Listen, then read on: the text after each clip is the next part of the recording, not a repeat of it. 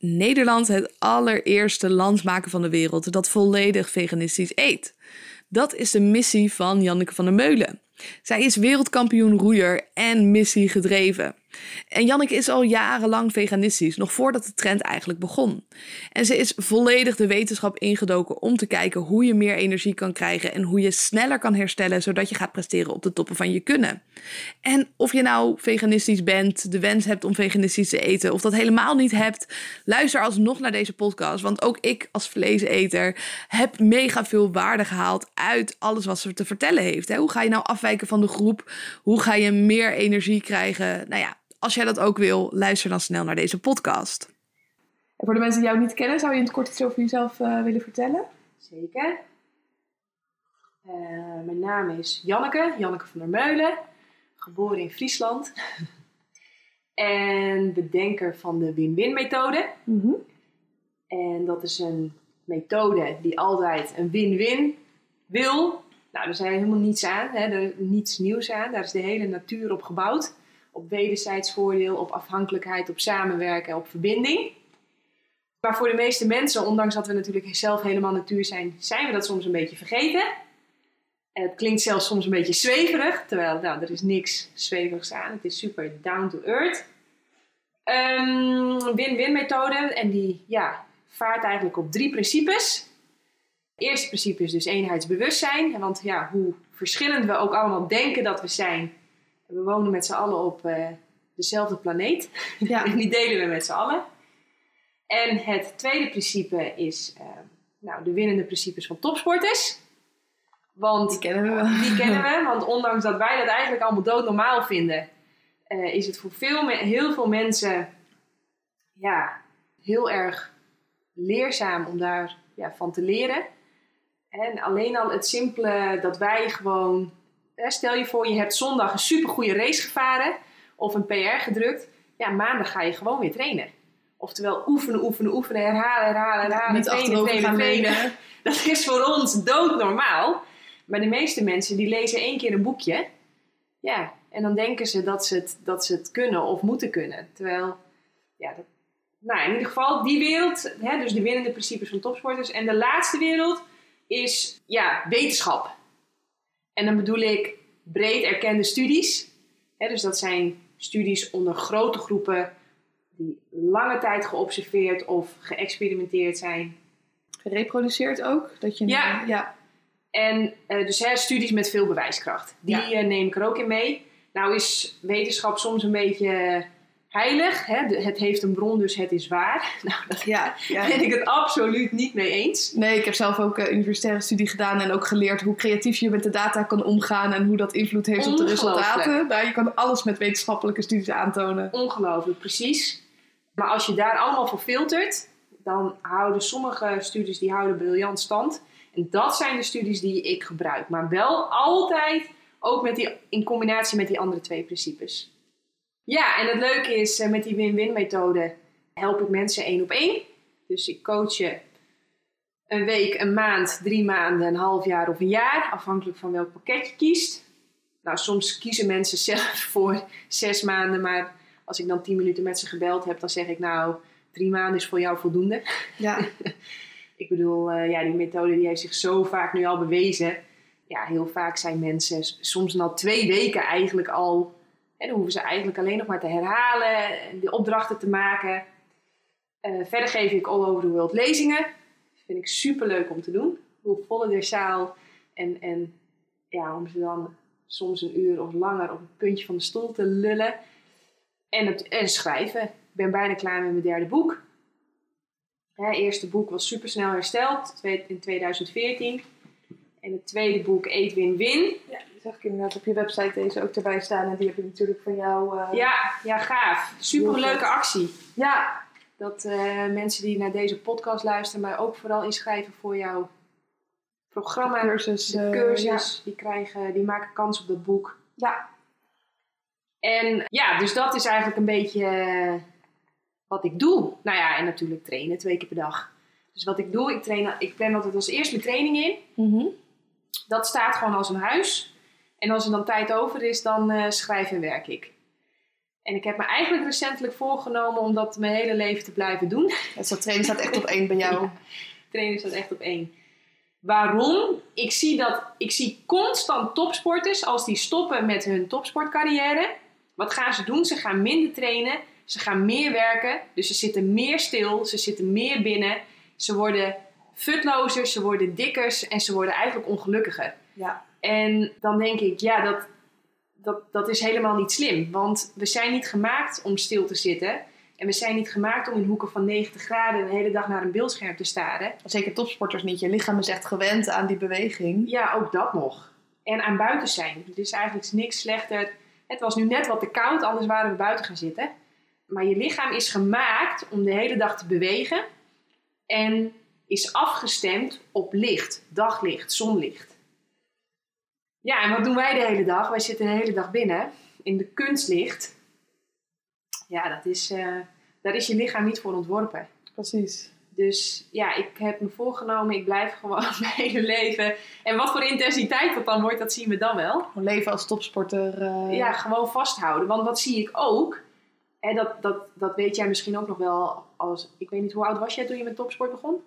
Ik heb het echt uh, anderhalf jaar maar gedaan, dus ik was toen 22. Oh, Oké, Het is echt pas recent en net zoals jij hou ik het ook vast. Ik doe geen wedstrijden meer. Oké. Maar trainen en eten en slapen, dat doe ik gewoon nog steeds. En, en weinig drinken. Ja. Echt exact op dezelfde manier. Ja, ja, precies. Nou goed, ik was al super jong. Hè, al toen Hoe oud was jij toen je begon? Vier. Al met topsport? Ja, eh, met zwemmen. Dus eh, ja, voor schooltijd al zwemmen. Na, en na schooltijd judo destijds. Eh, maar wat gebeurt er als je zoveel traint? Dan blijft er ook veel minder tijd over voor je werkzaamheden. Dus je wordt veel efficiënter en effectiever. Ja, Dus ik, weet je, ik weet ook nog heel vaak op, op de universiteit op een gegeven moment moesten we dan ook wel in, groeps, in groepjes dingen doen. Nou ja, en dan merk je gewoon dat je zo ongelooflijk getraind bent om in echt een derde van de tijd het dubbele te doen. had ik ook. Ik deed universitaire studie. En dan gewoon sport op hoog niveau erbij. En dan nog parttime werken erbij. En ik had nog een sociaal leven. Dat mensen Ja. zeiden van, hoe doe je dat? Hoe doe je dat? Ja, Ja, en dat Ja. doe je door heel veel bullshit niet te doen. ja, ja, en alles gewoon te kijken van, oké, hoe kan ik het sneller doen? En eh, hoe kan ik het in minder tijd? Precies. Dus ehm, ik zie dat ook, eh, want ik coach ook junioren bij het roeien.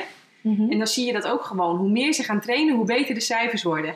Grappig, en mensen denken vaak Ja. van, oké, als ik dingen erbij ga doen, Ja, is het nog Gaat een dat- bal die ik hoog moet houden. Maar ja als je al die bullshit skipt, dat het eigenlijk veel makkelijker gaat. precies. En eigenlijk weten we dat ook wel. Hè? Want er is ook een uitdrukking, if you need something, always ask a busy man. Oftewel, hè, iemand die het druk heeft. Op een of andere manier kan die vaak ook veel meer aan. Dus mijn vader heeft me daar ook heel erg op getraind hoor. Door altijd de druk op te voeren. Ja, met als gevolg dat er moet echt wel iets heel raars gebeuren. Wil je nog in paniek raken of zo van iets. Ja. Dat is ook een eh, hele fijne bijkomstigheid. Ja, dus wat je eigenlijk zegt van, joh, wil je het hoofd koel weten te houden in, in intense situaties, ga gewoon lekker die druk opvoeren en dan ben je er al aan. eh, Ja, ja dan, dan ben je daaraan. Dan train je jezelf daarop. ja. Weer trainen. ja. Dus als je dat maar heel vaak doet, hè, dat is stress, is voor iedereen, iedereen iets anders. Is allemaal relatief ten opzichte Ja. van wat je natuurlijk gewend Ja, bent. wat je getraind hebt. Ja. Ja. En je zei van op jonge leeftijd begon ik al met sport. Toen was het zwemmen en judo. Eh, hoe ging dat verder? ja. ja, dat is leuk. Toen ben ik op mijn elfde verhuisd van de stad naar een dorp. En mijn buurmeisje van twee huizen verderop, die had een tweelingbroer, Harmen en Sietse. Die deden beide ook modellenwerk.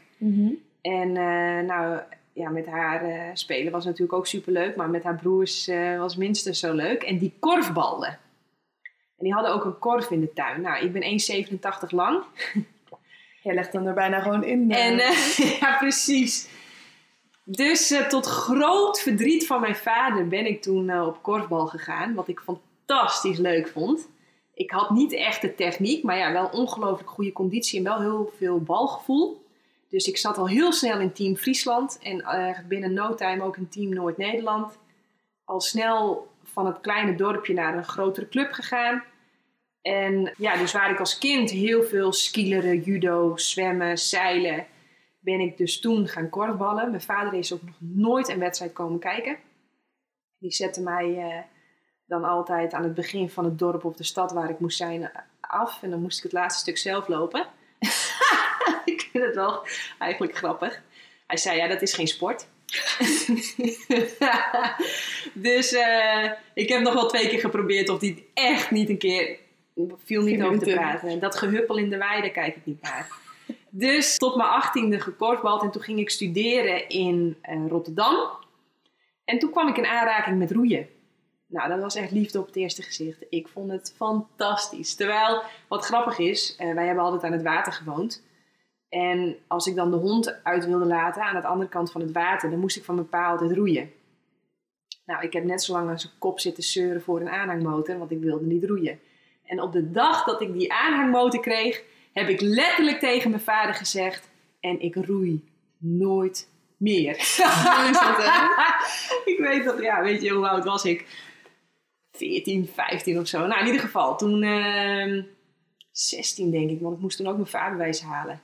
Nou, in ieder geval, toen kreeg ik dus die aanhangmotor, ik roei nooit meer. Maar ja, toen ging ik studeren in Rotterdam. En toen kwam ik in aanraking met roeien. Hoe kwam je dan in aanraking als je zelf het idee had van dit ga ik nooit meer doen? Uh, ik had een huisgenoot. Uh, wij hadden daar een, uh, we hebben een huis gekocht in Rotterdam. En ik had drie kamers over en die verhuurde ik. En ja, deed, iemand reageerde op die oproep en dat was Rens. En die was twee meter, ik denk 100 kilo. En die roeide. Zo, nou, dat vond ik wel interessant eigenlijk. Dus toen dacht ik, en toen vertelde hij over die trainingen. En ik ben echt een trainingsbeest. Hoe harder we trainen, hoe leuker ik het vind.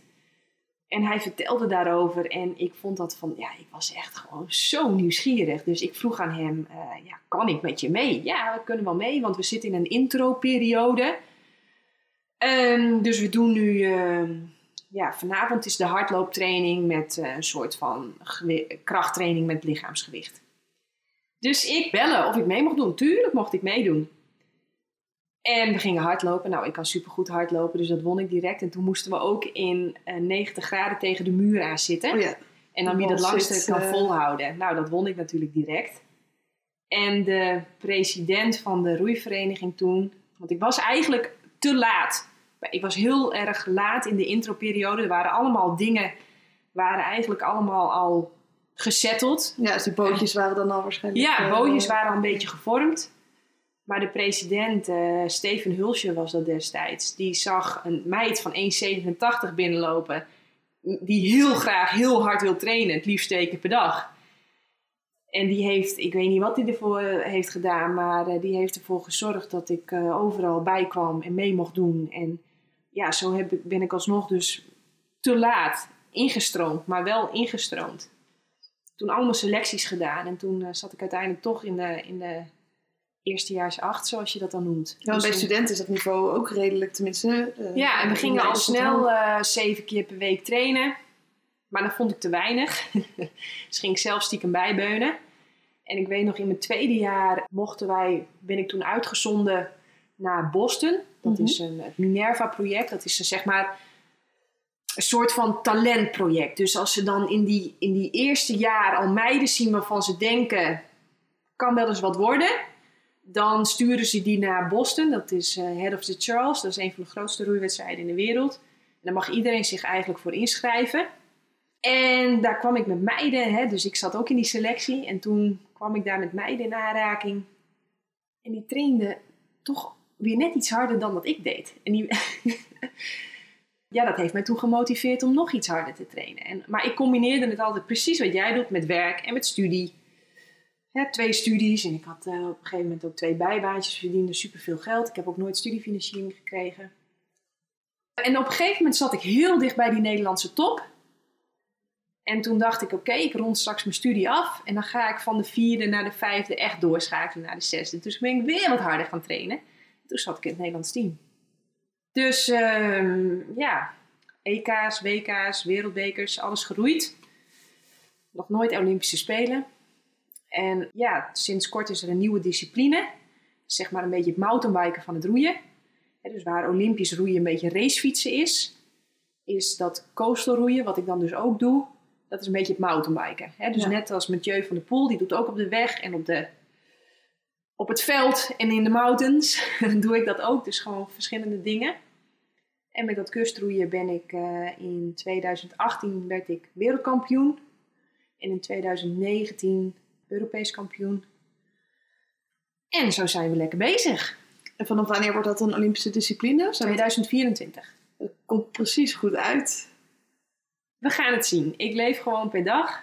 En ik, eh, ik, ik, ik doe altijd net als een scherpschutter. Dus ik heb mijn doel, heb ik heel, heb ik, ik, heb, ik heb natuurlijk allemaal doelen. Maar die heb ik relatief vaag. Maar mijn middelen heb ik echt vlijmscherp. Ja, Dus ik zorg gewoon dat ik supergoed voor mezelf zorg. Dat ik mijn trainingen altijd staan. Dat mijn programma altijd klopt. Dat ik, eh, nou, ik, ik heb dus sinds mijn vijftiende geen alcohol meer gedronken. Nou, vroeg op bed, je kent het wel. Ja, ja precies. En Super saai, zou een buitenstaander misschien denken, maar ik Ja, vind voor het ons is het niet saai, want je kan daardoor juist alles uit het leven halen. En ik heb op dezelfde manier mijn einddoel is lekker vaag, zodat je altijd kan bijsturen. En wat, wat je moet doen om daar dichterbij te komen, dat is gewoon non-negotiable. En jezelf blijven pushen om dat te doen. Precies, ja, ja dat. Ja, en je zei ik heb meerdere doelen. Wat, wat zijn verder nog doelen voor jou? Nou ja, ik wil dat Nederland het eerste veganistische land van de wereld wordt. Ja, dat las ik inderdaad ook op je, op Ja. je website. We waren ook het eerste land met het homohuwelijk. Eh, dus we zijn, ik vind dat het ook echt helemaal bij ons past. Dus eh, ja, dat is, eh, dat is een andere missie die ik heb. En wanneer is Nederland dat? Als iedereen veganistisch is? Of het, het merendeel? Nou ja, we zijn al hard op weg. Dus we zitten heel dicht bij een kantelpunt. Kijk ook maar in de supermarkt. Ga maar letten op wat er allemaal veganistisch te verkrijgen is. Ja. En ook dingen die natuurlijk al, al van nature veganistisch zijn. Die krijgen nu ook zo'n bordje. Vegan, Dat is mooi, hè? Dat, dat dingen dat ik Ja. denk van mijn zus is veganistisch. En dan doe je boodschap en denk je, ja, pindakaas was toch altijd al veganistisch? Ja. Wat, waar hebben we het nou over? Waar hebben we het over? Maar daar hangt nu wel een bordje bij. Dus je ziet, en, hè, toen ik daar 15 jaar geleden mee begon, nou, dan moest je dat wel uit gaan leggen. Dan hadden mensen best wel een beetje medelijden met je. Terwijl als je dat nu vertelt, dan is het altijd, oh ja, maar ik eet ook niet veel vlees hoor. En al gaat vlees is- ja. is het biologisch. Dus je ziet echt een gigantische verschuiving. Ja, en die sneeuwbal die wordt steeds groter en die gaat steeds harder eh, rollen. Dus ja, het is, het is met alles. Hè. Nog niet zo lang geleden hadden we nog slaven. Ja, en dan zijn er een paar mensen die vinden dat een beetje raar. En dan wordt in het begin worden die mensen raar gevonden. Maar nu kunnen we het niet meer voorstellen dat je... Ja, nu hebben we... Nu, ik zeg altijd, nu hebben we moderne slaven. Maar eventjes, Ja, ja, je ja. wat ik bedoel. Ja, ik vergelijk het altijd met, met, met rekensommetjes. Van, hè, we dachten altijd bijvoorbeeld dat als je altijd dacht dat 2 plus 2 5 was, denk je er niet over na. En dan kom je erachter dat 2 plus 2 4 is. En dan denk je, oh, dan gaat de hele wereld voor je open. Dat als je eenmaal die inzichten hebt, dat het Ja. ook eh, ja, dat het niet meer anders kan bijna. Precies. En wat was voor jou de reden om plantaardig te gaan eten? Oeh, de reden? nou, ik heb, de echt, redenen? Ik heb heel veel redenen. En op een gegeven moment had ik eigenlijk geen reden meer om het niet te doen. Ja, Dus dierlijke producten ondermijnen je sportprestaties. Het, is, ehm, ja, het vertraagt je herstel. Dus je hebt er niks aan. Het is super belastend voor de wereld. In de zin van eh, het klimaatprobleem. Nou, dat is een van de grootste problemen waar we nu mee te maken hebben. Wordt voor het grootste deel veroorzaakt doordat wij dierlijke producten eten. Ja, en dan natuurlijk nog de ethische kant. Ik bedoel, eh, ja, wij hebben honden gehad. Nou, heb, heb je huisdieren? ja, ik heb katten. Katten. Ja. En als ze straks dood zijn, ga je ze dan opeten? Nee. Nee? Maar de- ook denk ik, eh, ja, natuurlijk is het vanwege het emotionele stukje. Maar als je ook kijkt naar de vee-industrie, die, die beesten die gaan, niet, die gaan niet dood. Die worden gewoon doodgemaakt, vaak ook binnen een jaar. Die krijgen niet eens een, een, eh, een heel Precies. leven. Nee, dat is echt de grootste misdaad, denk ik, van de 20e eeuw. Die hele intensieve veeteelt. Dus ja, op een gegeven moment heb je dat door. Hè? Ik heb twee ooms, die zijn boer. Dus die hebben een veehouderij. Dus ik heb koeien geïnsemineerd. Ik heb kalfjes eh, met een krik zo de wereld eh, ingekrikt. ik lach er nu om, maar het is eigenlijk verschrikkelijk. Onze buurman die had schapen. Dus als die lammetjes dan geboren werden, dan deed je direct een elastiekje om het staartje. Dus dan drie dagen later sterft dan zo'n staartje af. Dat zou dan beter zijn, want anders zou de poep aan hun staartje blijven hangen. En dan zouden ze weer ziek kunnen worden. Nou, echt allemaal van die dingen waarbij je hart direct protesteert. Hè? Dus je hart voelt direct van, dit klopt voor geen meter. Het feit dat zo'n koe een kalfje geeft, die wij dan letterlijk drie minuten daarna weghalen, in een hokje proppen, die dan vervolgens een soort van melkoplossing krijgt. Hè? Dus poeder met warm water. Zodat wij eh, kwark en, en yoghurt en kaas en zo kunnen eten. Hè, dus op die momenten dat ik met mijn neus erbovenop stond, dan protesteert je hart wel. Dus dan, dan voel je, dit klopt van geen kant. Maar ik had ook geen alternatieven toen. Dus ik voelde wel, dit klopt niet. Maar ja, vervolgens deed ik wel altijd gewoon kaas op mijn brood. Ja, hoe was dat dan voor jou? Dat je aan de ene kant weet van het zou anders moeten, maar dit toch anders doet? Nou, op een gegeven moment word je wakker. Hè? Dus je gaat eh, tot die tijd ga je een beetje slaapwandelend uh, eigenlijk door het leven. En dan op een goede dag word je wakker en dan denk je, holy shit, hier wil ik niet aan meewerken. Maar ja, dan ben je topsporter. Nou, dan zit je echt tot over je oren in een wereld die alleen maar roept.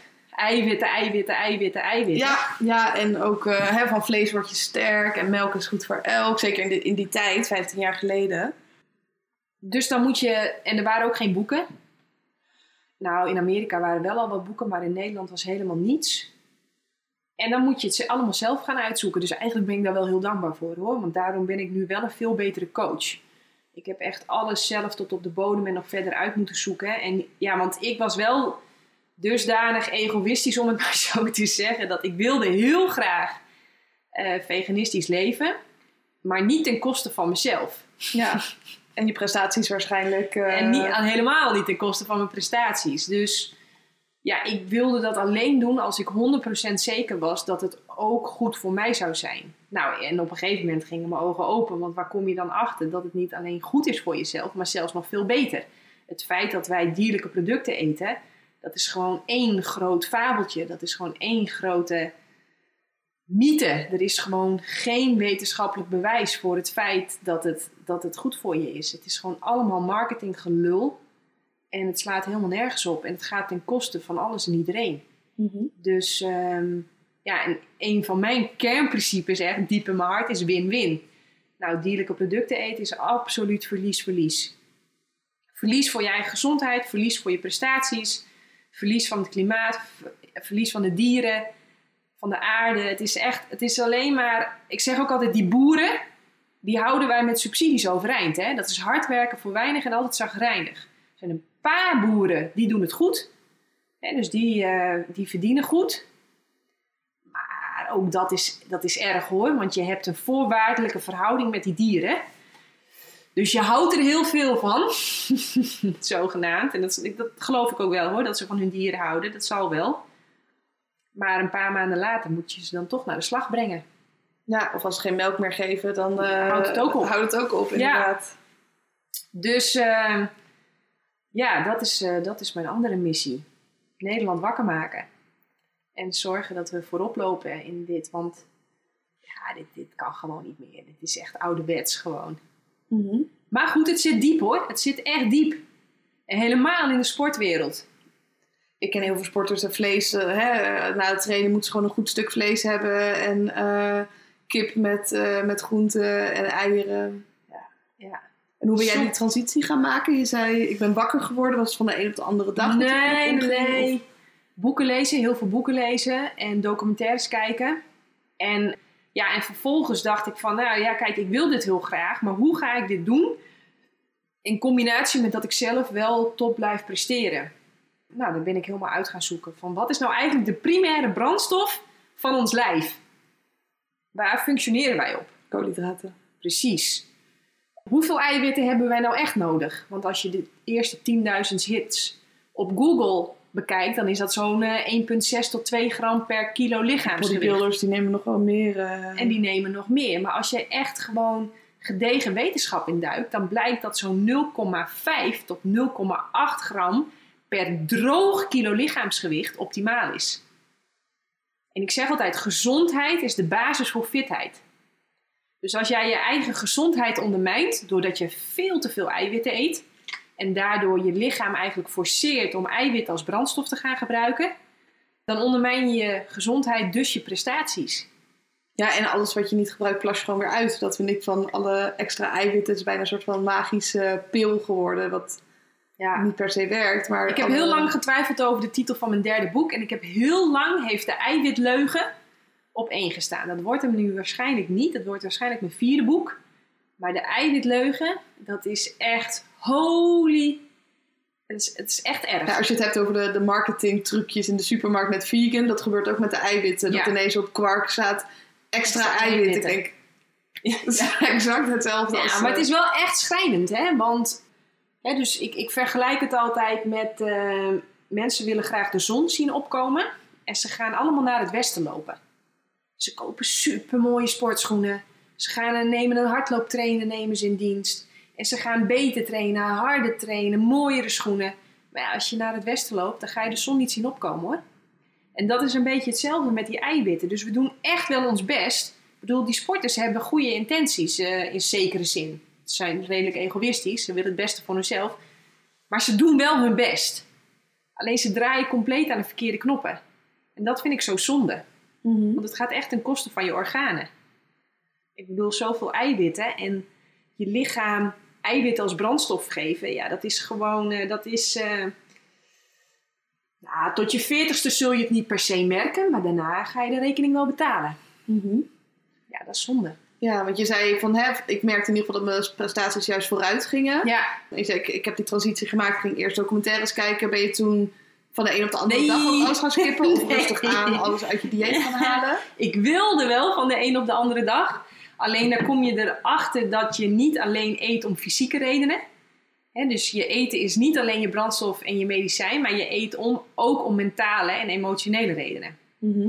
Nu doe ik dat niet meer. Nu is gewoon mijn eten, mijn brandstof en mijn medicijn. Maar zodra jij gaat proberen te veranderen omtrent eten, dan kom je erachter dat ja, eten uit drie, die drie dingen bestaat. Dus je eet om fysieke redenen, om mentale redenen en om emotionele redenen. Dus als jij dan gaat veranderen, dan word je daar ineens mee geconfronteerd. Mhm. En eh, dus ik ook. Ik kwam erachter dat ik allemaal gewoontes had. Wat waren die gewoontes bij jou? Eh, God. Dat is moeilijk hoor. Probeer daar maar. Ik, ik schrijf, te denken. Ja, ik schrijf gelukkig alles op. Nou joh, eh, van alles. Eh, iedere ochtend yoghurt met muesli.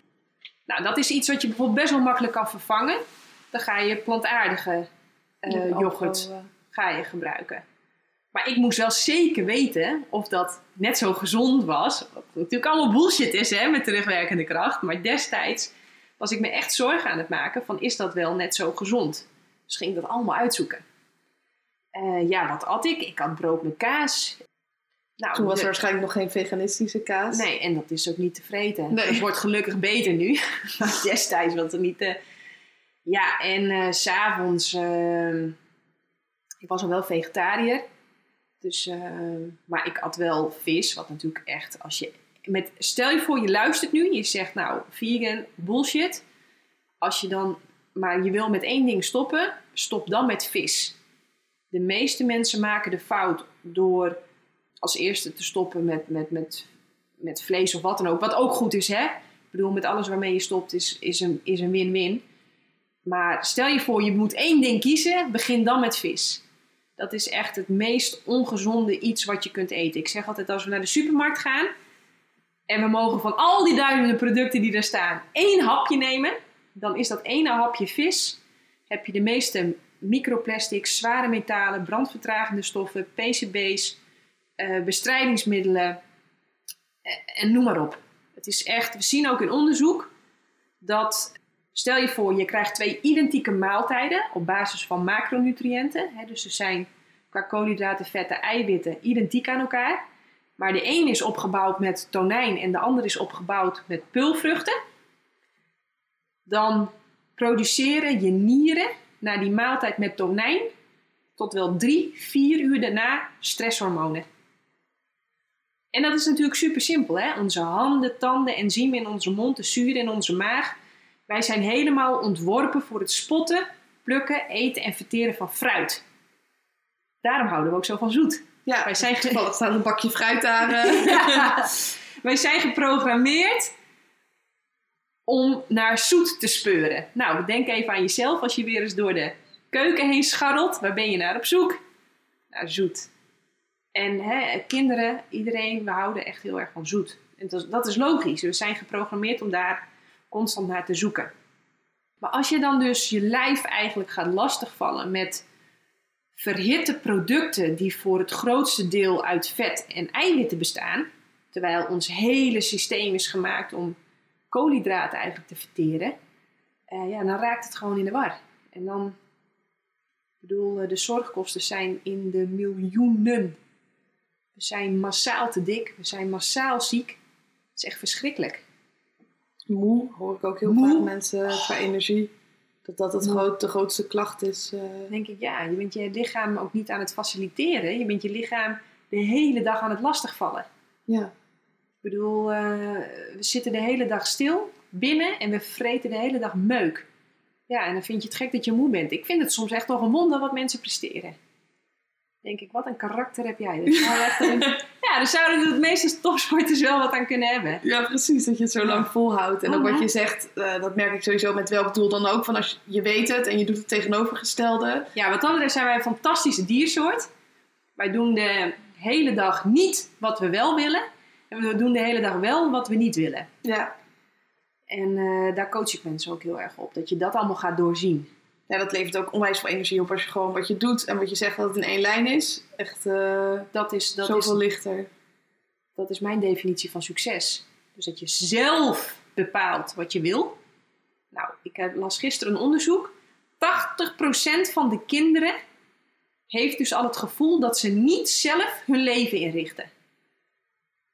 Dus vanaf hele jonge leeftijd zijn wij met, als volwassenen, met al onze waanzin, al aan het bedenken wat die kinderen allemaal moeten. Ja, vroeger hadden we nog veel meer uitblinkers. Ik had het laatst met iemand over Mozart, die op zesjarige leeftijd al de hele wereld rondreisde voor de muziek. Nu eh, kan dat niet meer. Dan heb je leerplicht. En dan Oh, kan je dat soort talenten zeg maar, van kinderen komen niet meer naar voren zoals dat vroeger natuurlijk was. Nee, precies. Dus wij doen de hele dag eh, wat we niet willen en doen de hele dag wel wat we niet willen. Maar goed, als je dat dus met elkaar, hè, dus als jij gaat doen wat jij wel zelf wil, ja, dat is, en je voert dat vervolgens uit, ja, dat is mijn definitie van succes. Ja. En als je dat iedere dag doet, ja, daar de optelsom van is een fantastisch leven. Nou, waar, dat is de nummer één reden waar mensen spijt van hebben als ze op hun sterfbed liggen. Ze zeggen daar unaniem, had ik maar wat meer gedaan wat ik zelf wilde. Dat is allemaal logisch te verklaren, hè? we zijn groepsdieren, in zekere zin. Dus afwijken van de norm was tot 10.000 jaar geleden, ja, was dat dodelijk. Ja, en vermijden van pijn. Hè, dat, daar zijn we meer gemotiveerd door dan door het winnen van iets. Ja. Als we maar die pijn vermijden van hè, de kans dat, nou ja, dat het niet goed genoeg is of dat het niet lukt, dan doen we het niet. Ja, dus we willen, we willen bij de groep horen. Nou, dat was tot 10.000 jaar geleden was dat een hele... Was dat heel slim. Want die groep was heel gezond. Die groep die was de hele dag mooi eh, aan het spelen en fruit aan het verzamelen. Toen eh, kwam er, wat al dus sommige filosofen de grootste crimineel van de wereld is, was er een persoon die zei van, nou, ik ga niet meer rondscharrelen. Ik ga me vestigen op deze plek. En dit stuk land is van mij. en die is dat met hekken gaan omheinen. En toen kregen we de beschaving. Ja, en toen is eigenlijk alle ellende begonnen. Toen zijn we granen gaan eten met dierlijke producten. Dus we werden steeds zieker. Maar we konden wel steeds meer mensen eigenlijk voeden met een schrale dieet. En ja, voor de, onze voortplanting is dat natuurlijk prima. Want dan hoef je, ja, je hoeft maar tot een jaar of veertig het eigenlijk gewoon net goed genoeg te doen. En dan kun je een aantal keren voortplanten. En ja, hoe je je daarna voelt, ja, dat boeit eigenlijk niet. Kijk, tot 10.000 jaar geleden was dat wel heel belangrijk. Hè? Je was, iedereen in de groep, van jong tot oud, had een cruciale rol. Qua kennis, qua... Zeker de ouderen die, die waren ook wel weer heel handig om Super. de jongeren te begeleiden. Ja, dat was super waardevol. Maar ja, toen gingen we op één plek wonen. En toen, ja, toen is alles eh gaan veranderen. En toen kwamen we hierop?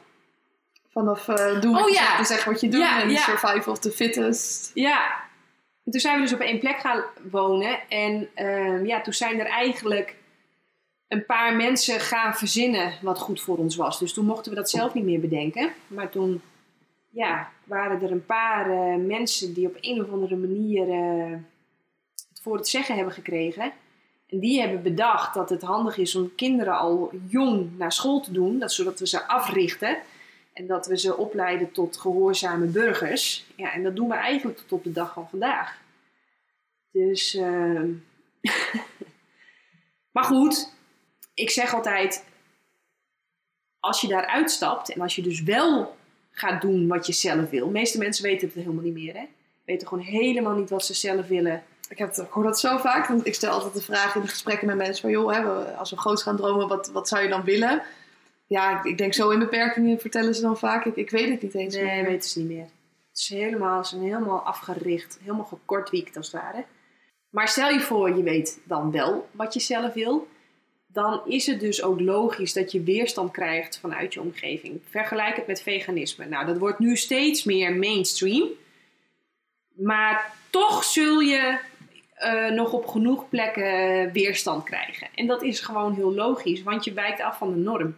En nog geen 1% van Nederland is veganistisch. Zo weinig? Ja, nog heel weinig. Ja, het lijkt heel veel. We hebben wel veel flexitariërs, dat gaat echt hard. Nee, en de veganisten merk ik, die geven wel een bepaald gehoor. Dat, eh, ja. Dus daar misschien heb je dan het idee dat er meer zijn. Ja, dat is ook heel belangrijk. Ja. maar dus het, als je echt naar absolute getallen kijkt, dan is het nog geen 1% van Nederland. Eh, maar dan zeg ik ook altijd dat jij voorop loopt. Je moet het zo zien. We zijn met de hele groep, zijn wij al jarenlang gaan we rechtsaf. Hè, we hebben die hongerwinter gehad. Toen is er vanuit de Nederlandse overheid besloten van we moeten spek op de botten en kleur op de wangen. En oké, hoe krijgen we, ja, krijgen we dat zo snel mogelijk? Nou, dat is door heel veel dierlijke producten te eten. Waarom? Die zijn vet en eiwitrijk. Nou, dan word je heel snel groot en dik van. Dus de overheid is dat ook gaan subsidiëren. Eh, zelfs de doktoren zijn dat over gaan nemen. Dus zelfs je dokter zal je nu adviseren dat het eh, belangrijk is voor je ijzerniveau om biefstuk te eten. Dat het belangrijk is voor je omega-3 waarde om vis te eten. En weet ik veel allemaal wat voor bullshit ze hebben bedacht. Maar goed, we zijn dus met die hele groep, gaan we al jarenlang rechtsaf. En dan zijn er een paar mensen die zeggen, nee jongens, we moeten linksaf, want daar is het veel mooier en veel leuker. Ja, dan gaat natuurlijk niet die hele grote groep in één keer zeggen, nou goed idee Janneke, hop, we gaan met z'n allen links. Nee, tuurlijk niet. En die hele groep is erop ingericht om rechts te gaan. Ja, en zeker ook, hè, ik heb psychologie gedaan en een van de onderzoeken was dan dat als jij twee groepen hebt en die hebben een mening en die scheid je van elkaar en die laat je dan even met elkaar discussiëren, dat die meningen alleen maar vaak meer uit elkaar gaan lopen. Dus wat ik bijvoorbeeld ook merk op dat gebied, is dat mensen nog extremer, eh, ja, ik weet niet hoe je dat zou noemen, vleesaanhanger Ja, ja, ja, ja, worden. ja, Dat ze dan alleen maar de voordelen voor zichzelf gaan eh, benoemen. Ja. ja, daarom geloof ik ook nooit in. Je moet eigenlijk, als je met een, ik heb heel veel blogs geschreven over, stel je voor je komt op een feestje, hoe maak je van iemand zo snel mogelijk een veganist? En? Nou, dat is dus niet, niet door weerstand te creëren. Ja. Waarom? Dan gaat hij nog meer zijn eigen punt verdedigen. En mensen geloven een beetje wat een ander zegt. Ze geloven iets meer van wat een vriend tegen hunzelf zegt. Maar ze geloven het allermeest wat ze tegen hunzelf zeggen. Ja. Dus als jij weerstand gaat creëren, dan gaan ze alleen maar aan hunzelf herhalen. Ja, waarom ze doen wat ze doen. En dan gaan ze daar alleen maar sterker in geloven. Ja, want als zij erachter komen dat, hè, het is onwijze pijn dat als je erachter komt van wow, wat ik altijd heb gedaan, het sloeg gewoon helemaal nergens Nee, want je zegt indirect tegen jezelf. Ik ben jarenlang eigenlijk een vette dombo geweest. Ja. Ja, dat is voor het ego veel te pijnlijk. ja, precies. Dus dat, dat, dat doe je niet. Dus nooit weerstand creëren. Want dan gaan mensen eigenlijk alleen maar meer herhalen wat ze zelf willen. Dus op een feestje grappen maken, zelfspot. Vragen of ze ook van dieren houden, of ze huisdieren hebben. Eh, nou ja, dat soort dingen. En eigenlijk motivational interviewing doen. Zodat ze ja, zelf eigenlijk hun eigen rare gedrag gaan inzien en wakker worden. Ja, en ik denk inderdaad dat het ook een betere intentie is, met welk doel dan ook. Dat als je mensen wil veranderen, dat je niet moet verwachten dat, oh, je komt even op een feestje binnen en je kan iedereen gaan motiveren om Absoluut linksaf te gaan in plaats van rechtsaf. Als je een zaadje hebt geplant, dan heb je echt al een hele, dan heb je een fantastische job gedaan. En dan moet gewoon de tijd zijn werk doen en dan moet het af en toe regenen, zodat het zaadje water krijgt en dan gaat het vanzelf bloeien. Precies. Maar wij kwamen hierop door. Het afwijken van de groep. eh, Oh ja, afwijken van de groep. Want jij bent toen gaan afwijken van de groep. En Ja. toen waren er nog, hè, ik denk dat het percentage toen nog vele malen lager lag dan 1%. Ja. Hoe was dat toen voor jou? Nou, ik had, ik, had, ik had de natuur aan mijn kant, ik had de dieren aan mijn kant, ik had het klimaat aan mijn kant, ik had de wetenschappelijke onderzoeken. En dan heb ik het niet over allemaal van die case-studies of andere flutonderzoeken. Dan heb ik het over onderzoeken met veel, veel bewijskracht, dus meta-analyses, reviews. Had ik allemaal aan mijn kant. Ik had mijn eigen gevoel aan mijn kant, ik had mijn prestaties aan mijn kant. Want mensen Ja. snel al verschil in prestatie? Eh, je krijgt veel meer energie. Echt belachelijk veel energie. Je krijgt echt, eh, je herstelt veel sneller, je nagels, je haar. eh, je slaapt veel beter. Voor mij, mijn huid werd veel beter. Nou heb ik nog steeds niet de allermooiste huid, maar als je het vergelijkt met toen, nou dan, dan is het echt honderdduizend procent beter. En mijn darmen. Ik ben echt binnenste buiten gekeerd in het ziekenhuis, omdat ik altijd last had van mijn darmen.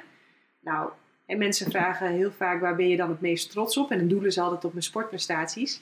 Maar als ik op één ding echt heel trots op ben, dan is het op poepen zonder vegen. En dat ik gewoon topdarmen heb. Ik, la, ik had vroeger ook heel veel last van winderigheid. Nou, dat is verschrikkelijk, dat is vervelend. Dat is echt heel Ja. vervelend. En daar ben ik gewoon helemaal vanaf. Ja, dat is gewoon, dat is zo fijn. Dus als je gaat over. Ik zeg, mensen vragen heel vaak: oké, hè, Janneke, in één zin, dan is het van hè, één zin, één antwoord op de vraag: hoe, wat is de snelweg naar optimale gezondheid? En dan is mijn antwoord altijd: ga eten in overeenstemming met je anatomie. Dus ga eten waar wij als Homo sapiens voor zijn gemaakt. En dat is echt met stip op één fruit, bessen en dan op twee bladgroen, eh, kiemen, verse kruiden en een beetje zeewier. Dat is waar wij voor zijn gemaakt. Nou, en als je daar gewoon zoveel mogelijk van je calorieën uit gaat halen, nou dan, dan, ja, dan ga je, dat, dat is fantastisch. Dan krijg je gewoon, dat is, dan heb je direct resultaat. Ja, want hoe snel merkte je dat? Heel snel. Echt heel snel. Dat is fascinerend. Dat lichaam, dat, dat, dat, is, dat, dat reageert direct. Hè? Ja, wij zijn helemaal opgebouwd uit waar wij onszelf mee voeden. Ja. En dan denken mensen aan voeden vaak alleen maar aan eten en drinken. Maar het is ook de gesprekken die je hebt. Ook De- de, de trainingen die je doet, hoe snel je dan aanpast. eh, Precies, de trainingen die je doet, de dingen die je leest, de dingen die je luistert. Nee, je merkt het echt heel snel. Maar je merkt het ook ongemerkt, als je snapt wat ik bedoel. Soms heb je ineens, hè, dat ik schrijf alles op. En dan een jaar later denk ik, oh ja, wauw. Daar, hè, dat heb ik soms ook, dat je denkt, oh, struggelde ik daar toen mee? Ja, ik ja. nu zoveel makkelijker af. Ja. ja, dat soort dingen. Ik zeg, en, en, en dat meen ik, het is echt mijn allerbeste beslissing ooit. Echt een van mijn allerbeste beslissingen in mijn leven. Ja, en mooi dat je ook zegt, hè, mensen verwachten van jou dat je dan trots bent op je prestaties qua, qua sport, maar dat het voor jou iets heel anders is. Ja, maar hoe ga je met die weerstand om? Ja, hoe ga je daarmee om? Ontspannen. In het begin vond ik het soms vervelend. Dacht Wat ik, de mensen dan bijvoorbeeld? Ja, dan gingen ze heel veel vragen stellen bijvoorbeeld. Waarom doe je dat? Waarom doe je het zo? En dan dacht ik, ja jongens, zal ik ook al die vragen even aan jou stellen? Jij hebt, jij hebt geen antwoord. Kijk, ik kan het ook allemaal nog wel uitleggen, maar dan wilde ik gewoon eventjes eten, even chillen, even relaxen. Wil ik niet daar weer een college gaan geven. Ja, Eh, dat vond ik soms wel vervelend. Maar op een of andere manier heb ik daar heel goed mee leren omgaan. Dus ik heb constant heb ik mijn strategie bijgestuurd van... Oké, wat werkt wel, wat werkt niet? Hoe, eh, hou ik het met, hoe doe ik dit met heel veel humor? hoe zorg ik dat het heel gezellig blijft? En hoe zorg ik dat mensen helemaal ontspannen? Want als mensen helemaal ontspannen zijn, dan zijn ze het meest gewillig als het ware voor verandering en nieuwe informatie. Als mensen gespannen zijn, ah, dan, dan, dan is luisteren al bijna onmogelijk. Dus ja, heel veel humor.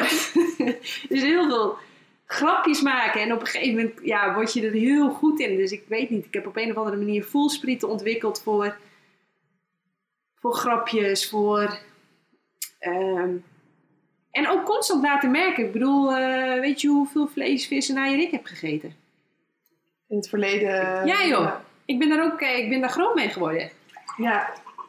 Dus eh, ja. ja, dus ook door te laten zien van, oh, ik ben ook maar een mens. En de hele tijd wist ik het ook helemaal niet. Nee joh. Nee heb ik joh. dat ook gedaan. Alleen ik wilde regisseur worden. Want ik ben gewoon verschrikkelijk nieuwsgierig geboren. En in combinatie met het leven als topsporter heb ik daar eigenlijk ook heel veel ruimte voor gekregen. Ik bedoel, eh, dat weet jij ook, je traint twee keer per dag. Ja, als je vier uur per dag traint, nou dat is echt al veel. En heb je nog heel veel tijd over. Dan blijven er nog twintig uur over. Precies. Ja, en ik heb die allemaal in, in studie gestoken. Cursussen, workshops, boeken, boeken, boeken, artikelen, artikelen, artikelen. En maar lezen, en maar lezen, en maar schrijven. En eh, ik, ik zeg nu lezen, maar mijn moeder zegt altijd: jij leest niet, jij studeert. Ja. Want ik maak aantekeningen, ik vat samen. Ik dat zelfs met series die ik kijk, dat vind ik ook dan. Ik, ik ben een groot fan van Temptation Island, maar dat is ook niet, dat kijk ik niet, maar dat bestudeer ik ook. Van, hè, wat is hun mindset? Hoe pakken zij dingen aan? Waar gaan ze de mist in? Oh ja, ja. dus op die ja. manier dat je alles wetenschappelijk gaat benaderen. Ja, dat ja. Dan denk ik dat Temptation Island eh, heel saai zou zijn als we geen interventies zouden plegen. Ja, Want reality te- televisie is echt het allermoeilijkste wat er is. Want we zijn eigenlijk een hele saaie, vredelievende, knuffelende diersoort. Maar we, wij, er komt pas rottigheid in ons naar boven als we eigenlijk gemanipuleerd worden. Dus, eh, ja tenminste, dat is mijn samenvatting van... eh, Absoluut. Je ziet ook vaak pas als zij negativiteit te zien krijgen of dingen waar twijfel is, waar ze het zelf gaan invullen en dan meestal negatief, dan, eh, dan je? begint het. Ja, Zie je? Ja, ik. Maar de, ik, dat vooroplopen, hè, want daar, zo kwamen we hierop. Eh, dus stel je voor, eh, jij denkt als enige, of als een van de weinigen, dat linksaf veel leuker is dan hè, de grote groep die iedere keer rechtsaf gaat. Ja, dan, ah, dat is geen last, maar dat is je rol. Dus het is je rol als pionier. Het is je rol van vooroplopen. En dan zeg ik altijd, de, jij als vooroploper, nou, dat heeft ook nadelen. Je vangt namelijk veel wind. Maar het is volgens mij veel beter dan achteraan lopen in de kudde. Want dan loop je in de stront van je voorgangers. Dik, welvaartsziekte eh, en ellende. Dus ja, ik loop liever voorop. heb je dat altijd al gehad? Ja, altijd gehad. Ja. Ja, dat heeft ook met zelfvertrouwen te maken. Dus ik heb op een of andere manier, heb ik al heel jong ervaren dat ook al doe ik wat ik zelf wil, ook al wijk ik af van de groep, dat er nog steeds van me gehouden wordt.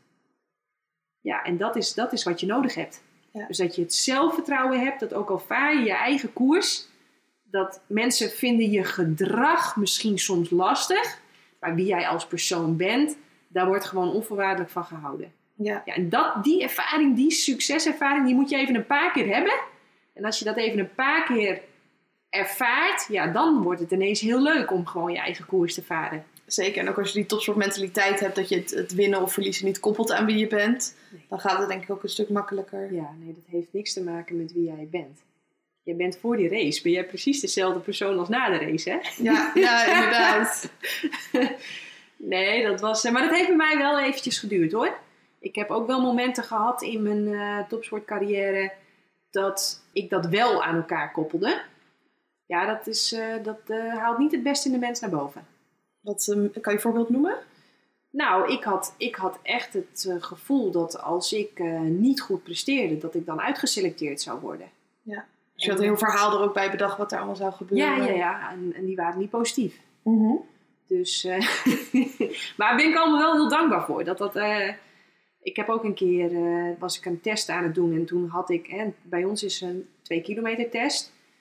Is dus onge- 2 kilometer, dus ongeveer 7 minuten. Nou, ik denk dat ik na 30 seconden al had bedacht dat het, hè, dus ik was, eh, wat zou het zijn, 200 meter was ik bezig en toen had ik in mijn hoofd, hè, had mijn ego al bedacht dat zo doorgaan, dat zou niks worden. Ging niet goed komen. En toen ben ik dus ook, eh, ja, en ik nam dat ego heel serieus. Want ik dacht dat, dat, dat ik dat was en dat dat ook de waarheid was. Dus toen ben ik ook gestopt met die test.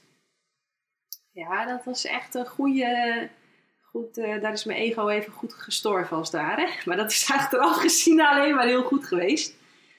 Maar ik heb dat dus niet altijd gehad. Ik denk dat je als kind ben je heel onbevangen. En op een gegeven moment is het bij mij op een gegeven moment wel ingeslopen dat ik dus wel mijn identiteit eh, daaraan ging koppelen aan mijn prestaties. Ja, ik denk dat je enigszins toch wel beïnvloed raakt door je omgeving daarin. En als die Ja, prestaties heel belangrijk vinden, eh, dat dat Ja. dan wel... eh, en dat als het ook consequenties heeft, tenminste als het de hele tijd tegen je gezegd wordt. Ja. Ja, maar uiteindelijk toch wel weer dankbaar dat het gebeurd is, want die pijn die dat op heeft geleverd van eh, gezichtsverlies, uitgeselecteerd worden, dat je salaris in wordt getrokken, dat je niet in de boot zit, hè, dat je reserve bent. Allemaal dat soort dingen. Die pijn die dat op heeft geleverd destijds, heeft ook weer voor heel veel groei gezorgd. Dus uiteindelijk ben ik er toch wel weer heel dankbaar voor. Ja, je hebt wel positief weten te kijken dan naar die Ik tegenslag. heb het heel erg gebruikt als, als leermoment van oké, wat gaat hier fout? Waarom, waarom ben ik in de greep van, van die stem in mijn kop? Hè? Want ik dacht ook nog dat ik dat zelf was. Ja, want je had eigenlijk te vroeg opgegeven dus, terwijl je gewoon nog door had kunnen gaan. Tuurlijk kan je doorgaan. Ik bedoel, dan verander je, hè, als je een gezond persoon bent dan, en je voelt even, dan, dan verander je, terwijl je zo'n test aan het doen bent, verander je misschien een beetje je strategie. Maar ik nam die gedachte heel erg serieus. Ik dacht ook dat ik die gedachte was. Nu, dit is heel lastig voor te stellen. Als je op een gegeven moment inziet van, oh, ik ben niet mijn ego, ik ben gewoon Janneke, dan, en er popt wel eens, er popt natuurlijk nog steeds wel eens iets op van, eh, ja, iets, zachter gaan, hè, iets, iets minder, eh, minder eh, diep gaan. Is dat, hè, dat is misschien ook een optie. Ja, ik moet dat je reptiele brein die je veilig wil houden. Van, Ja. maar niet te gek en Doe je hebt niet- verdiend. En... Ja, ja, ja. Die popt natuurlijk nog steeds wel eens op. tuurlijk. Maar waar, je die vroeger, waar ik die vroeger heel serieus nam, ja joh, ik lach het nu bijna uit. Ik lach het nu bijna uit. Ik doe daar helemaal niks meer mee. En eh, het lijkt ook wel als je het een beetje uitlacht dat het zich ook veel minder aandient of zo. Dus die humor gebruik je ook om die stem ja, ja, ja, kop... ja, eh, zeker, zeker. Die neem ik niet meer zo serieus. God, dat scheelt een hoop zeg. Ja. Maar goed, ik heb die wel serieus genomen. Wij kwamen hierop door te zeggen van het, de rol van vooroplopen, toch? Ja, ja, precies. Ja. Ja, dat was maar dat had ik al gezegd. En gingen er steeds meer mensen ook met jou mee toen jij voorop ging lopen? Ja, eigenlijk wel. Ik, maar weet je, dat is ook wel weer grappig. Als pionier denk je, tenminste dat had ik in het begin wel. Dan dacht ik, hé hey jongens, de feiten liggen er. Lees even mijn boek. Wat, is, wat zijn nog je redenen? Maar eh, hè, ga ook even lekker plantaardig eten. Want ik denk ook echt oprecht, hè, daar ben ik van overtuigd. Dat als wij vanuit NOC-NSF gewoon wat slimme mensen daar bovenaan die voedselpiramide zetten. In de zin van dat die gaan bepalen wat wij gaan eten en ons daar ook mee gaan helpen. Dan gaan wij zo'n gigantisch concurrentievoordeel als Nederland mee. En ik ben nu bang dat landen als Engeland dat gewoon sneller oppikken en daar gewoon zoveel winst pakken. Of bang, bang. Ik ben helemaal niet bang. Ik zou het super slim van ze vinden. Ik zou het alleen gewoon heel gaaf vinden dat wij dat als Nederland zijn. Ja, want ben je ook met hen al aan het samenwerken? Nee, nee. Nee, ja, ze weten wie ik ben en wat ik doe en ze kennen mijn boeken. Ik, vind het, het- ja, ik verwacht eigenlijk dat ze binnenkort toch wel gaan aanbellen en vragen van... hey, deel toch eens even wat eh, van je kennis, want ja, daar zit denk ik nog wel heel veel winst. Of dat je gewoon een case study daar mag doen. Ja, zou gaaf zijn. Dat je ja. gewoon vijf sporters krijgt die, die je wel mag beïnvloeden en vijf sporters niet. Ja, En eh, Ja, ja, zou echt heel gaaf zijn. Het is gewoon super simpel. In een auto, als die op benzine rijdt en je gooit de diesel in, dan is, dan is het heel snel over. Alleen dat is weer het vernuftige van het menselijk lichaam. Dat is, zo over. geprogrammeerd op overleven. Maar ik, hè, ik zeg het al, overleven. ja, Maar ik zeg altijd, overleven is wel wat anders dan leven op de toppen van je kunnen. Overleven, joh, dat kunnen wij echt op, eh, op magnums en, en, en, en duivenvoer van mijn part. ja, ja, zeker als je bijvoorbeeld kijkt naar de studenten, wat die allemaal eten. Gelukkig heb ik dat zelf nooit gedaan, maar die ontbijten met chips en Ja, die eten kapsalon en, en pizza en bier en ook die overleven. Ja. Ja. Maar ja, ik wil niet overleven. Ik wil leven op de toppen van mijn kunnen. En niet alleen dat, je wil je concurreren met de wereldtop. Ja, en dat is misschien niet helpende en ook een beetje negatieve overtuiging. Maar als je gewoon heel objectief kijkt en we zetten allemaal vrouwen even op een rijtje, dan ben ik niet 100% geschikt voor de roeisport. Voor de roeisport moet je zo verschrikkelijk sterk zijn. En ik ben ook wel echt sterk. Alleen ik moet het denk ik vooral hebben van het feit dat ik net wat slimmer ben. Er zijn echt heel veel meiden die, waar ik, ik heb beter gepresteerd uiteindelijk. Maar dat is niet omdat ik een beter genenpakketje heb. Dat Ja. is omdat ik en langer ben doorgegaan en dus meer heb geoefend, geoefend, geoefend, getraind, getraind, getraind. En omdat ik er beter brandstof in gooi. Ja, en ik denk dat dat ook uiteindelijk maakt dat je overleeft. Ik heb bijvoorbeeld met twee basketballers gesproken. Nou, één was dan echt lang en de ander was wat korter. Maar allebei zeiden ze van, joh, je kan als de genetische jackpot hebben. Maar als je het mentaal gewoon niet slim doet, dan... eh, ja, misschien word je een keer kampioen, maar kampioen blijven, dat, dat Ja. gaat je niet lukken. Top halen, dat is nog tot daar en toe. Maar de top blijven, domineren, dat is veel moeilijker. En je zegt van, nou, met trainen ben ik in ieder geval heel intensief bezig en met voeding. Buiten training en voeding, hoe optimaliseer jij je, je energie, je doelen? Nou, ik zeg altijd, hou maar eens even vijf minuten je adem in. Dan zie je hoe belangrijk eh, zuurstof is. nou, zo best voor mensen best wel moeilijk hoor. Gewoon normaal ademhalen. Eh, slaap. Ik zeg wel eens, eh, blijf maar drie dagen wakker. Dan zie je hoe belangrijk slaap is. Hè. Daar vinden al je herstelwerkzaamheden plaats. Eh, als jij niet vrolijk, uitgerust wakker wordt en je hebt geen zin om uit je bed te komen, dan ben je dus te laat naar bed gegaan. Dan zeggen mensen, ja, maar ik word altijd moe wakker. Ja, dan zul je toch echt Doe je gewoon iets fout? maandenlang vroeger naar bed moeten. En eh, Ja, en wat je zegt, mensen die zijn voor buitenlicht gemaakt, waar als jij kunstlicht hebt en eh, vlak voordat je slaapt nog aan het Netflixen bent en met je telefoon in bed ligt, dan snap ik wel dat je niet uitgerust, of nou ja, niet moe gaat slapen en niet uitgerust wakker wordt. Ja, precies. Ja, dat. Eh, ik drink absoluut ook geen koffie. Eh, dat noem ik altijd betalen met de creditcard. Oftewel, je neemt valse energie op. En dan vraag ik mensen, wanneer ga je dat terugbetalen? Nou, ze zijn compleet verslaafd. Dus ik drink ook geen koffie. Nou, groene thee drink ik eigenlijk al niet eens. Dus ik ben helemaal clean qua pepmiddelen. Dus ik, ja, zo zuiver mogelijk met mijn eigen energie. Dat je dus ook veel beter voelt van... Ja, hoe gaat het eigenlijk met me? Verdoof je dat helemaal niet als je bijvoorbeeld aspirintjes of, of ibuprofen, doe je dat ook dan niet? Nee, nee, nee, nee, nee. nee. Het hoor ik ook Nee. van crossfitters, dat die dan zeggen van ik stop niks van rommel in mijn lijf, zelfs geen aspirintje als ik hoofdpijn heb. Oh ja, nee, Maar dat, dat doe doe ik ook dus ook niet. niet, Nee, eh, dat doe ik ook niet. ja. Eh, iedere ochtend eh, koude water in. Ja, ga je hier gewoon in? eh, Ja, oh, ja. lekker zeg. Ja, dat is 4 graden. Eh, ze hebben dit gebruikt om de A2 op te hogen. Dus het is eh, even verderop is het 70 meter diep. Dus het water is echt steenkoud.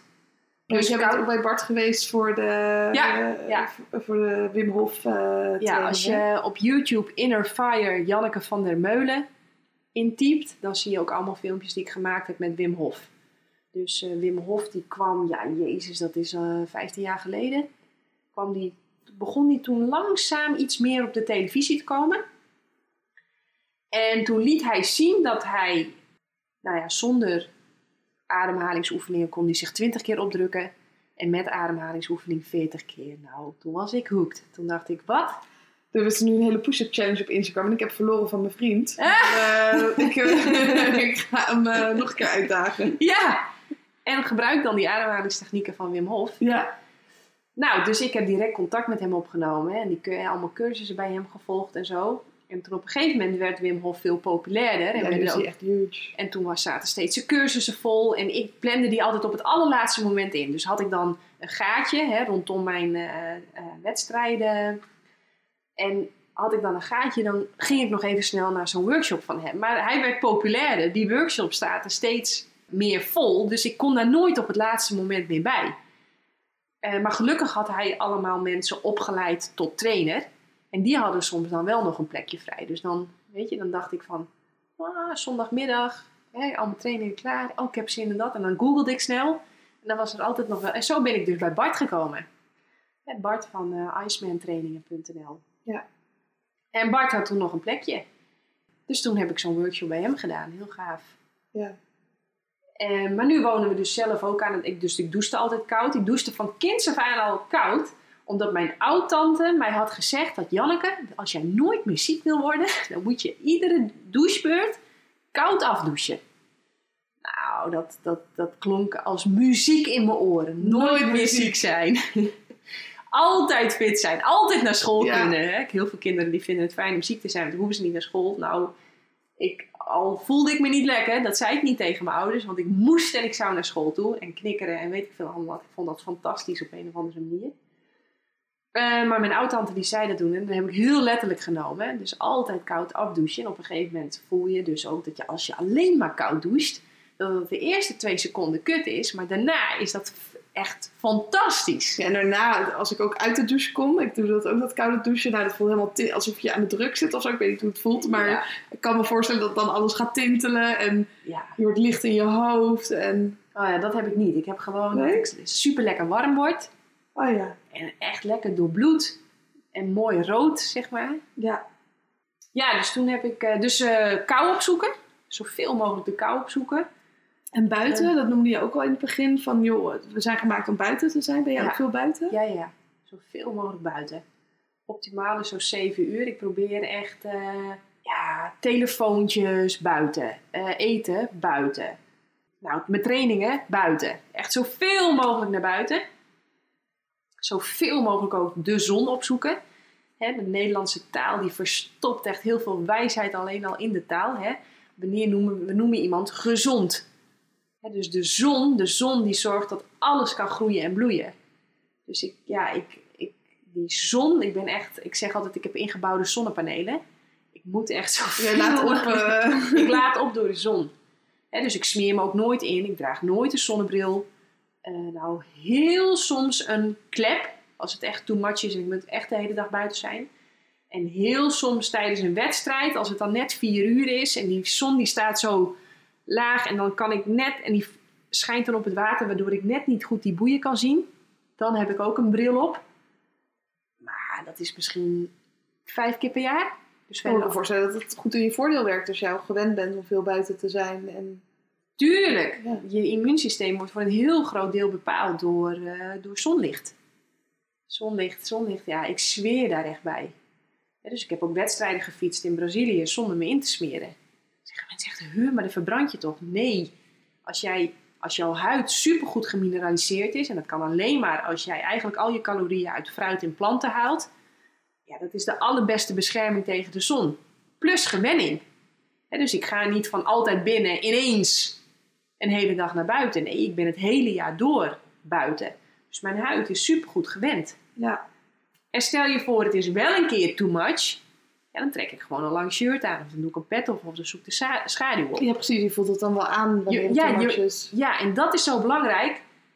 Eh, wat jij nu zegt, dat voel je wel aan. Ja, dus als je heel veel buiten bent, dan voel je dat ook op een gegeven moment. Terwijl heel veel mensen zijn het hele jaar binnen, gaan dan naar het strand, voelen niet eens meer dat ze verbranden en komen dan thuis en dan zijn ze zo rood als een kreeft. Ja, ja, inderdaad. Of ze hebben zoiets van, ja, nu moeten we het ervan nemen, dus dan gaan we maar maximaal. En dan eh, ben ik rood, maar morgen ben ik wel weer bruin. Oh ja. Ja, dus ehm, zoveel mogelijk naar buiten, zoveel mogelijk zon, maar laat je niet verbranden. Dat is tenminste wat ik doe. Ja, Ja, dus eh, vroeg bed. S- eh, zo, eh, ik eet zo rauw mogelijk ook. Dus ik eet bijna... Ik haal eigenlijk al mijn calorieën uit fruit. En ik vul dat aan met bladgroen, kruiden, kiem en een beetje zeewier. Ik eet s'avonds ook wel wat peulvruchten. Of eh, wat zoete aardappel. Heel soms eten we stampot of curry. Vind ik soms ook wel lekker. ja ik ga regelmatig naar Azië en ik vind het eten daar dus ook heerlijk. Daar eten ook veel curry en ook veel groenten. Ja. En, eh, Ja, dus, ik, eh, dus dat doe ik. En ik lees geen krant. Ik kijk geen nieuws. Eh, zo, om die manier stress weg te halen. ja, dat is allemaal bullshit. Ja, Het blijkt, eh, het blijkt, ik ben, de, toen ik wakker werd wat dat betreft, dus mijn vader stond vroeger heel vaak in de krant. En dan werd hij soms, en we woonden in Friesland, maar mijn vader die praat Nederlands. En dan werd hij soms in de krant geciteerd in het Fries met iets wat hij nog nooit had gezegd. En dat gebeurde heel vaak. Toen dacht ik op een gegeven moment, zou dat nou alleen bij mijn vader gebeuren? nee, mijn vader staat ook regelmatig in de krant. En ook, nou ja, er wordt volledig uit zijn verband ook vaak eh getrokken. Nou, dit is al, dit is NS2. Ja. Maar toen dacht ik, dat is wel heel toevallig dat het, het alleen, nou dan praat ik even voor onze beide vaders, dat het toevallig alleen bij onze vaders Ja, gebeurt. en ik heb ook laatst in de krant gestaan bij het NRC, stond ook een quote. Ik dacht, nou, dat... eh Nou, NS3, precies. En dat is nog steeds weinig, maar Ja. het is wel heel toevallig dit. Ja, en toen op een gegeven moment begon ik te twijfelen. Ik dacht, het is wel heel toevallig hè, dat mijn pa steeds fout geciteerd wordt. En dat er allemaal bullshit staat bij die artikelen van mijn pa. Zou dat ook bij die andere artikelen zo kunnen zijn? Nou, jij zegt al ja, bij mij en bij mijn vader gebeurt dat ook. Toen heb ik dat boek van Joris Luijendijk gelezen, Het zijn net mensen. Nou, die kwam pre- precies hetzelfde verhaal. En er zijn nu ook al best wel veel wetenschappelijke studies die aantonen dat er geen verband is tussen wat er op het nieuws komt en in de krant staat en de werkelijkheid. Dat is toch bizar, hè? Dit wordt gesubsidieerd door de overheid weer, hè? Ja, en dat nieuws aan een aantal pijlers moet voldoen. En dat als het niet aan die pijlers voldoet, dan komt het ook niet in de krant. Dus over bepaalde dingen die in de wereld gebeuren, horen we helemaal niks. Omdat het dan niet relevant voor ons is, of niet nabij genoeg. Of... Ja, dus we worden zo ongelooflijk misleid. Maar een mens besteedt in zijn leven ongeveer drie jaar aan het lezen van de krant, hè? Oh, wow. Dus drie jaar van je leven verspil je door bullshit te lezen. Ja, ik lees zelf ook geen nieuws, maar ook omdat het gewoon 90% van de keren negatief is. Dat ik denk, ja, word ik er beter van als ik weet wat er aan de andere kant van de wereld allemaal misgaat? Nou, Nee, denk ik niet. je hebt, er, eh, je hebt er echt helemaal niks aan. Ja, toen las ik eh, dat boek The 4-Hour Workweek. Die Ja. begon daar ook weer over. Dus, eh, nee, krant eruit, televisie eruit, alles weg ermee. Goh, dat scheelt een tijd. Heerlijk. Dus eh, dat doe ik dan weer niet. Dus ik doe heel veel dingen wel. Vroeg bed, veel bewegen. Nou ja, en natuurlijk eh, denk ik dat het heel belangrijk is dat je ook wel een missie hebt in je leven. Als je, niet, als je geen reden hebt om je bed uit te komen. Als je, geen, als je, geen, je dagen geen zin hebben. Ja, dat hoor ik vaak van mensen die nu thuis zitten. Dat ze zeggen, ja, hè, ik, ik ga dan expres laat naar bed. Want ja, waarom zou ik ochtends mijn bed uitkomen? Want ik heb nu geen werk. Oh, jee. Dat, dat, dat mensen ook nu een, een, een reden missen om hun bed uit te komen. Waar ik heel nieuwsgierig naar ben, hè, want twee dagen geleden was een vriendinnetje van mij hier. Dus leuk voor een podcast. Nicole Fernhout. Zij is de allerbeste ultramarathonloopster van Nederland. Zij loopt dus in een training 40 kilometer. Zij loopt, ongeveer, zij loopt meer dan 200 kilometer per week hard. Wauw. Ja, dus die loopt hè, bijna een marathon per dag. Dat is bizar, hè? Ja. En dan ook nog door de bergen met hoogtemeters en weet ik dan wat. Ze eet natuurlijk ook helemaal plantaardig. Maar zij kwam hier en zij zei... En want ik zet heel veel van mijn trainingen zet ik op Strava. Zij zei, eh, holy shit, de corona is nu een week aan de gang. En ze zegt, jij had meer dan 2000 intensity minutes. Nou, Oftewel, ik had die week gewoon heel hard getraind. Ze zei, hoe doe jij dat? Want iedereen kampt nu met motivatieproblemen. Dan ben ik heel nieuwsgierig, hè? want jij eh, bent, of hebt eh, psychologie gestudeerd. En toen zei ik tegen haar, je overrompelt mij hiermee. Ik heb er niet eens aan gedacht. Ik heb er gewoon niet aan gedacht. Dat dat een beperking zou kunnen zijn. Dat je nu een motivatieprobleem zou kunnen hebben. Wij Ja. zijn direct allemaal spullen gaan kopen. Wij hebben direct ons hele leven zo en huis zo ingericht dat we gewoon volop door kunnen trainen nu. Hoe, hoe, hoe kan het dat mensen nu een motivatieprobleem hebben? Eh, ja, door het wegvallen van, wegvallen van een doel. Jij hebt natuurlijk als doel om gewoon fit te blijven. En een heleboel mensen, denk ik, hè, als ik het even mag invullen, Ja, ja, ja. die gingen altijd naar werk. Dat is hun doel. En eh, heel veel mensen hebben sowieso al niet zo heel veel plezier in hun werk.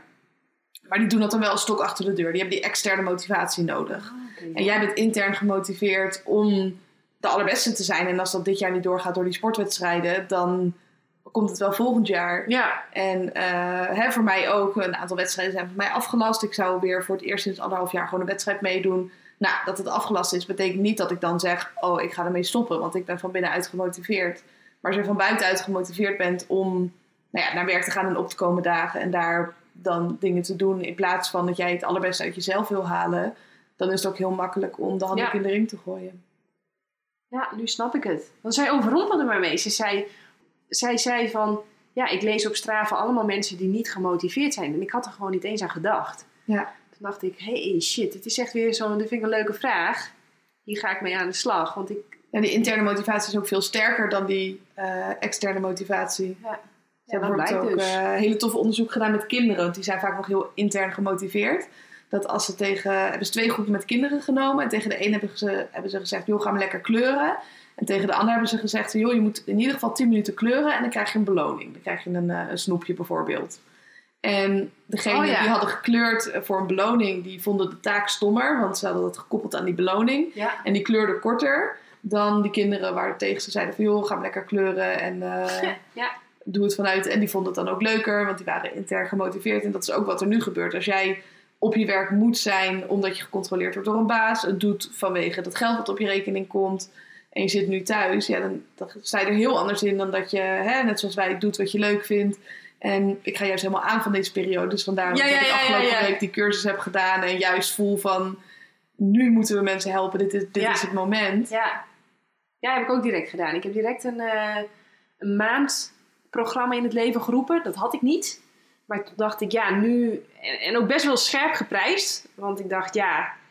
Ik kan niet inschatten hoeveel bestedingsbudget mensen nu hebben. Misschien wordt dat ook wel minder door deze crisis. Dat kan ik niet helemaal goed inschatten. Ja, Ik denk juist dat het meer wordt. Mensen gaan niet meer uit eten. Mensen gaan niet meer... Oh, dat, leuk. dat is zeg maar mijn... Dus ik heb eigenlijk... Ik had het nog wel veel hoger kunnen prijzen. Ik denk het.